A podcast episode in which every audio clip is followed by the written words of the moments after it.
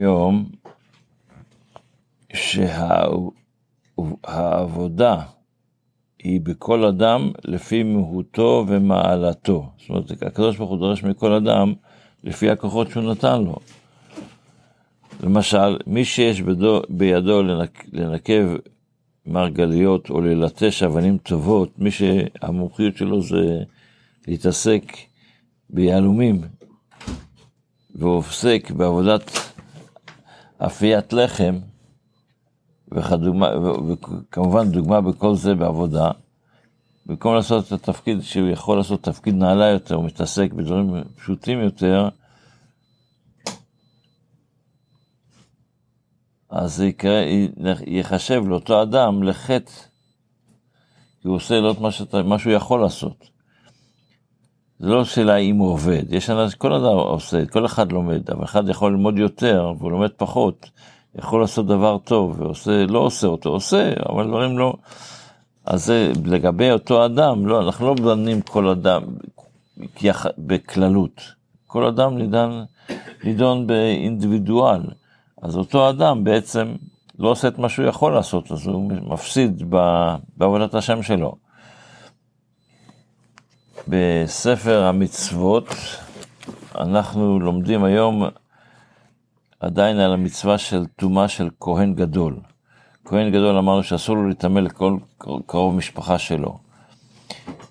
וגם אסור לו להימצא במקום שיש מת. אם יש מת באוהל, במציאות, בחדר שיש שם מת, אסור לו להיות שם.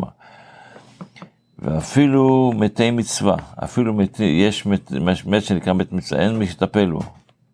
שיש מצווה, כל אחד חובה לטפל בו, אז הוא, יש לו את האיסור, כלומר, אם מתי מצווה וקרוביו, וזה מה שכתוב בתורה, על כל נפשות מת לא יבוא. ואם נטמע למת, אפילו לאביו ולאמו, אז הוא עובר בלאו, ואז הוא לוקה. זו המצווה שלומדים היום בספר המצוות לרמב"ם. בתפילה, אנחנו בתפילת קווה, קווה להשם חזק ואמץ לבך וקווה אל השם.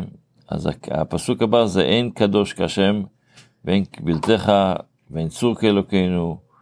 מאיפה זה לקוח? זה לקוח מהסיפור של חנה, אימא של שמואל.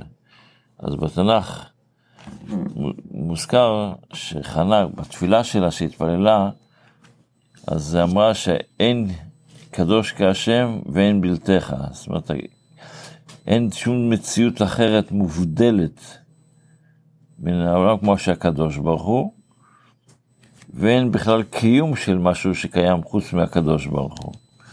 והקדוש ברוך הוא מתייחס לכל הבריאה ולכל פרט בה, ואם לא, הקדוש ברוך הוא לא משגיח על הבריאה ולא מתייחס אליה, אין לה שום זכות קיום.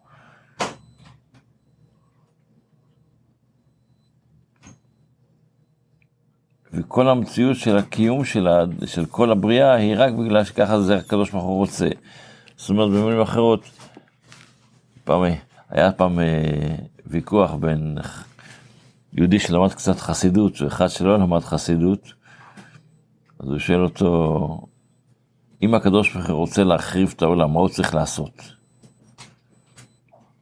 אז הוא אמר לו, הקדוש ברוך הוא, מה, יביא צונאמי לעולם, יביא, שנייה, נגיד בימינו, היה אומר, יש, יכניס ג'וק לראש של האמריקאים שילחצו על הכפתור של האטום, ו, ויגיד לרוסים שילחצו גם, ואז העולם נחרב וזהו.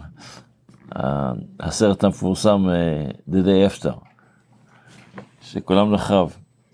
אז אמר, טוב, אבל יישאר אפר, יישאר משהו. גם כשיהיה אטום בעולם, טוב, אחרי שישאר אפר, הקדוש ברוך הוא יעשה גשם וישטוף את הכל למים. זאת אומרת, להישאר מים.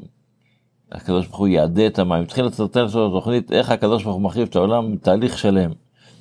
וכל מה שהוא אומר לו, אומר לו, תשמע, אבל יישאר משהו. אז הוא אומר לו, אותו אדם ותגיד לי אתה, איך אתה חושב שהקדוש ברוך הוא יחליף את העולם? הוא אומר, פשוט מאוד, הוא צריך לעשות כלום. כדי לעשות עולם הוא צריך לעשות. בשביל לברוא את העולם הוא צריך לעשות. ברוך שאמר והיה עולם. אז צריך להגיד. אבל אם הוא לא יגיד, אז אוטומטית אין עולם. זו המציאות, וזו המציאות שחנה אומרת פה בפסוקים האלה.